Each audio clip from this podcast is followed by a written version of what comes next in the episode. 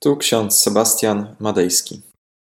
Dzisiaj jest środa, 3 maja 2023 rok. Znajdujemy takie hasła w książeczce z Biblią na co dzień. Trzecia księga Mojżeszowa, 19 rozdział, drugi werset. Świętymi bądźcie, bom ja jest święty, Pan Bóg wasz. List apostoła Pawła do Efezjan, pierwszy rozdział, dwunasty werset. Przyczyniajmy się do uwielbienia chwały Jego, my, którzy jako pierwsi nadzieję mieliśmy w Chrystusie. Drodzy, dzisiaj obchodzimy dwa ważne święta. Święto Konstytucji 3 maja oraz Dzień Apostołów Filipa i Jakuba Młodszego. Stąd tak wiele tekstów przed nami. Pierwszy zapisany jest w przypowieściach Salomona, 14 rozdział, 34 werset. I znajdujemy tam takie słowa: Sprawiedliwość wywyższa lud, lecz grzech jest hańbą narodów. Jest to hasło dnia dzisiejszego z okazji 3 maja. I mamy też fragment z księgi Izajasza dotyczący dnia apostołów Filipa i Jakuba Młodszego. Jak miłe są na górach nogi tego, który zwiastuje radosną wieść, który ogłasza pokój, który zwiastuje dobro, który ogłasza zbawienie, który mówi do Syjonu: Twój Bóg jest królem. W sumie znajdujemy cztery teksty na dzisiejszy dzień. Mamy dwa święta.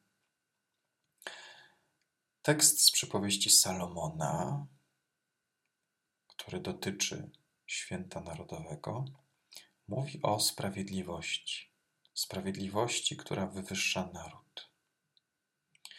Czytamy w tym tekście, że grzech powoduje, że naród okrywa się hańbą. Sprawiedliwość, dążenie do niej powinno być wpisane w konstytucję naszych serc. Praktyce jednak często ludzie postępują grzesznie, niesprawiedliwie, samolubnie. Ojczyzna jest bardzo ważnym tematem w Piśmie Świętym. List do Filipiana, trzeci rozdział, osiemnasty werset. Skoro stracimy ziemską ojczyznę, mamy jeszcze ojczyznę w niebie zgotowaną przez Jezusa Chrystusa, Pana i Zbawiciela naszego. Zatem tekst biblijny, Pismo Święte, przedstawia przed nami perspektywę ojczyzny w niebie, domu naszego Ojca. Szczególnie ważne są w tym kontekście słowa Pana Jezusa w Ewangelii Jana, 14 rozdział, drugi, trzeci werset. W domu ojca mego wiele jest mieszkań. Gdyby było inaczej, byłbym wam powiedział. Idę przygotować wam miejsce. A jeśli pójdę i przygotuję wam miejsce, przyjdę znowu i wezmę was do siebie, abyście gdzie ja jestem i wy byli. Czyli ta nasza ziemska ojczyzna jest tylko tymczasowa, jest tylko na moment, na chwilkę zmierzamy wszyscy do czegoś większego, wspanialszego domu, nie ręką ludzką zbudowanego. Warto jest pamiętać, że każdy z nas będzie musiał zdać sprawę z tego, jak dbamy o to, co nam powierzono. Każdy sługa z przypowieści o talentach musi zdać sprawę nawet z najmniejszej części tego, co mu powierzono. Tak samo jest i z nami. Bóg nam daje naszą ojczyznę, daje nam Polskę, nasz kraj, w którym mieszkamy. Pytanie, jak dbamy o to, co tu mamy? Czy kierujemy się sprawiedliwością?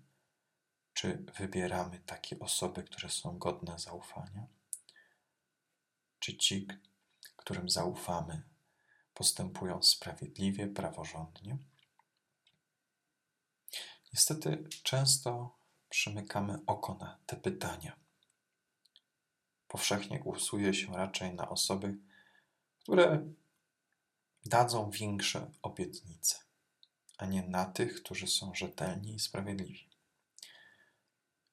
W księdze, trzeciej księdze Mojżeszowej znajdujemy takie słowa: Świętymi bądźcie, bo ja jestem święty, mówi Pan Bóg Wasz.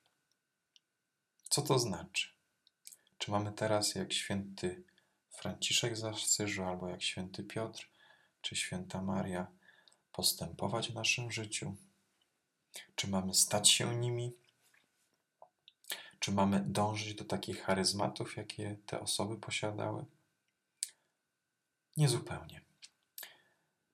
Mamy przede wszystkim naśladować samego Boga, wstępować w Jego ślady. Bądźcie świętymi, takimi jak jest Bóg. To wysoko postawiona poprzeczka, której nigdy sami nie osiągniemy.